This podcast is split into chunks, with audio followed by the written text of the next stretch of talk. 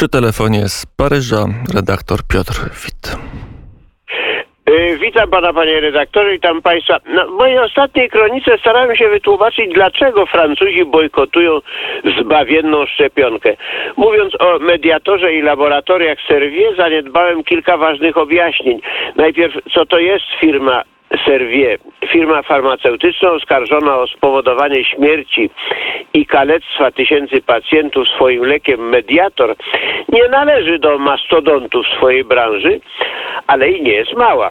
Francuska firma Servier jest obecna w 149 krajach i zatrudnia 22 tysiące pracowników na świecie. Żeby wypromować i, i utrzymać na rynku swój szkodliwy lek, mediator, firma musiała płacić łapówki na wszystkich szczeblach. Wszyscy brali, od przysięgłych ekspertów aż do wysokich funkcjonariuszy Ministerstwa Zdrowia, a nawet przedstawicieli Zgromadzenia Narodowego i Senatu Republiki. Nikt nie chciał za darmo wystawić lekowi pochlebnego świadectwa, ale opłacony wystawiał, mimo iż straszliwe szkody, które powodował lek, były już znane. Powiecie, na biednego nie trafiło. To prawda, afera nie zrujnowała firmy farmaceutycznej. Za sam tylko 2019 rok obroty Serviera wyniosły 4 miliardy 600 milionów euro. Starczało na promocje nawet kosztowne. Kontrole wielostopniowe stworzono w trosce o życie i zdrowie narodu w szczytnym celu lepszej weryfikacji leku, czy jest szkodliwy, czy nie. Sądząc po rezultatach, umysł źle usposobiony mógłby wyciągnąć wniosek, że przeciwnie stworzono wiele stopni kontrolnych, żeby każdy po drodze mógł sobie zarobić. Nie tylko ci na dole, ale i ci na górze. W rezultacie wszyscy kontrolerzy zgodnie stwierdzili, że lek jest nieszkodliwy, po czym umarło 4000 pacjentów.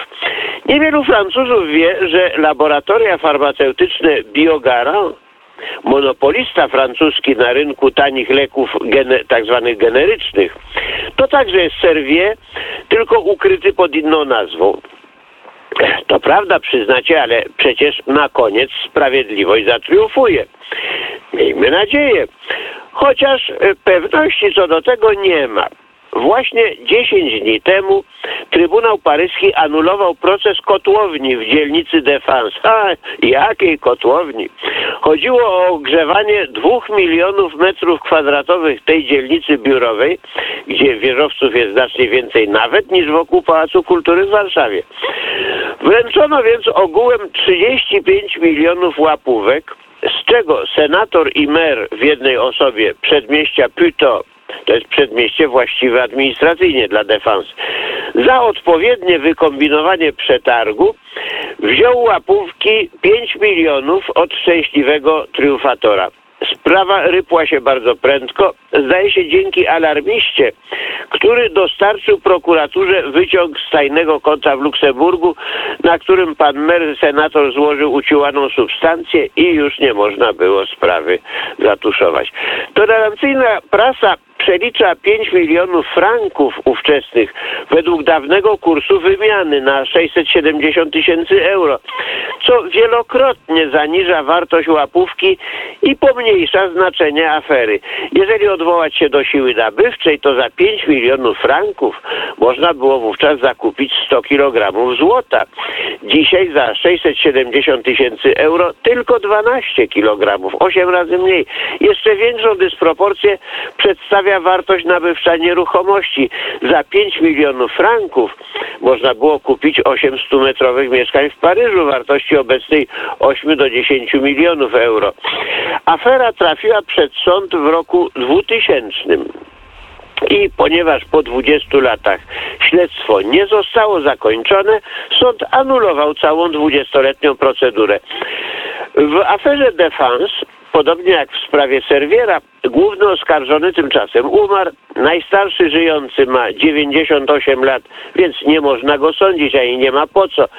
Jeżeli dodać do tego, że co najmniej trzech ministrów obecnego rządu zostało ostatnio postawionych w stan oskarżenia o łapownictwo z obecnym ministrem sprawiedliwości na czele, przewodniczący Zgromadzenia Narodowego był oskarżony już wcześniej.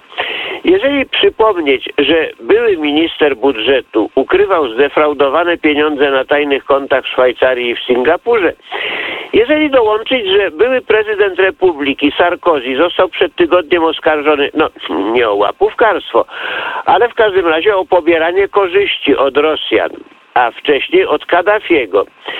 Jeżeli przypomnieć 25 lat temu, że były prezydent Chirac nigdy nie został skazany na, za zatrudnianie tysięcy martwych dusz w czasach, kiedy był merem Paryża. Jeżeli zważyć, że były premier Balladur stanął przed Trybunałem Stanu trzy dni temu razem ze swoim ministrem obr- e, obrony, ministrem wojny, e, Leotardem.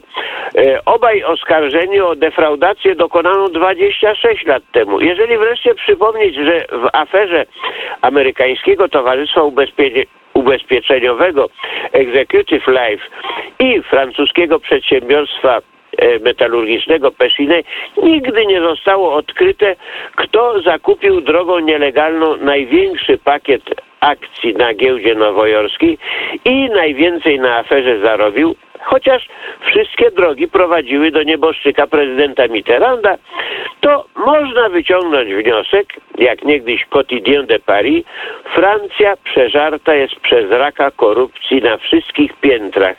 I ta korupcja jest zupełnie bezkarna. A ryba psuje się od głowy. Siłą, rzeczą, siłą rzeczy e, każda inwestycja publiczna kosztuje tutaj majątek, gdyż każdy na wszystkich szczeblach musi swoje zarobić.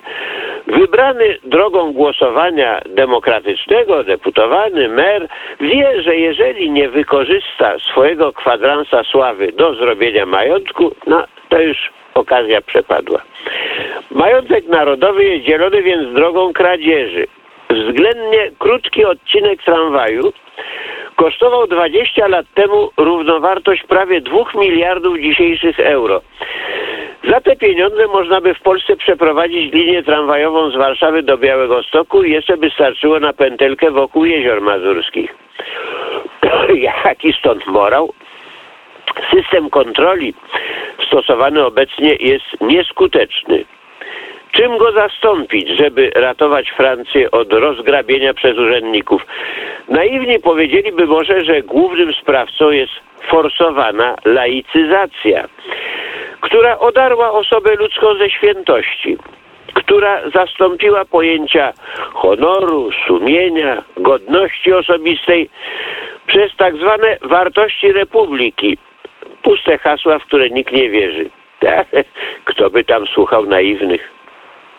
Mm, Mam nadzieję, że mm, będzie niewielu takich, ale są tacy lepiej niż słuchać naiwnych, lepiej można e, sięgnąć po książkę. Nieopatrznie wczoraj w Warszawie do słynnej księgarni Prusa mm, zaszedłem z nieszczęściem dla mojego portfela, ale e, szczęściem dlatego, że tuż przy wejściu na pierwszym miejscu mm, ujrzałem książkę redaktora Piotra Wita Pandemia, wielka mistyfikacja, więc jest w księgarniach przynajmniej w tych najbardziej renomowanych naukowych księgarniach warszawskich e, książkę można nabyć, do czego zachęcam.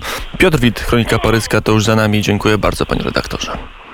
E, dziękuję, do usłyszenia. Do usłyszenia, godzina 7.59. Za chwilę serwis informacyjny.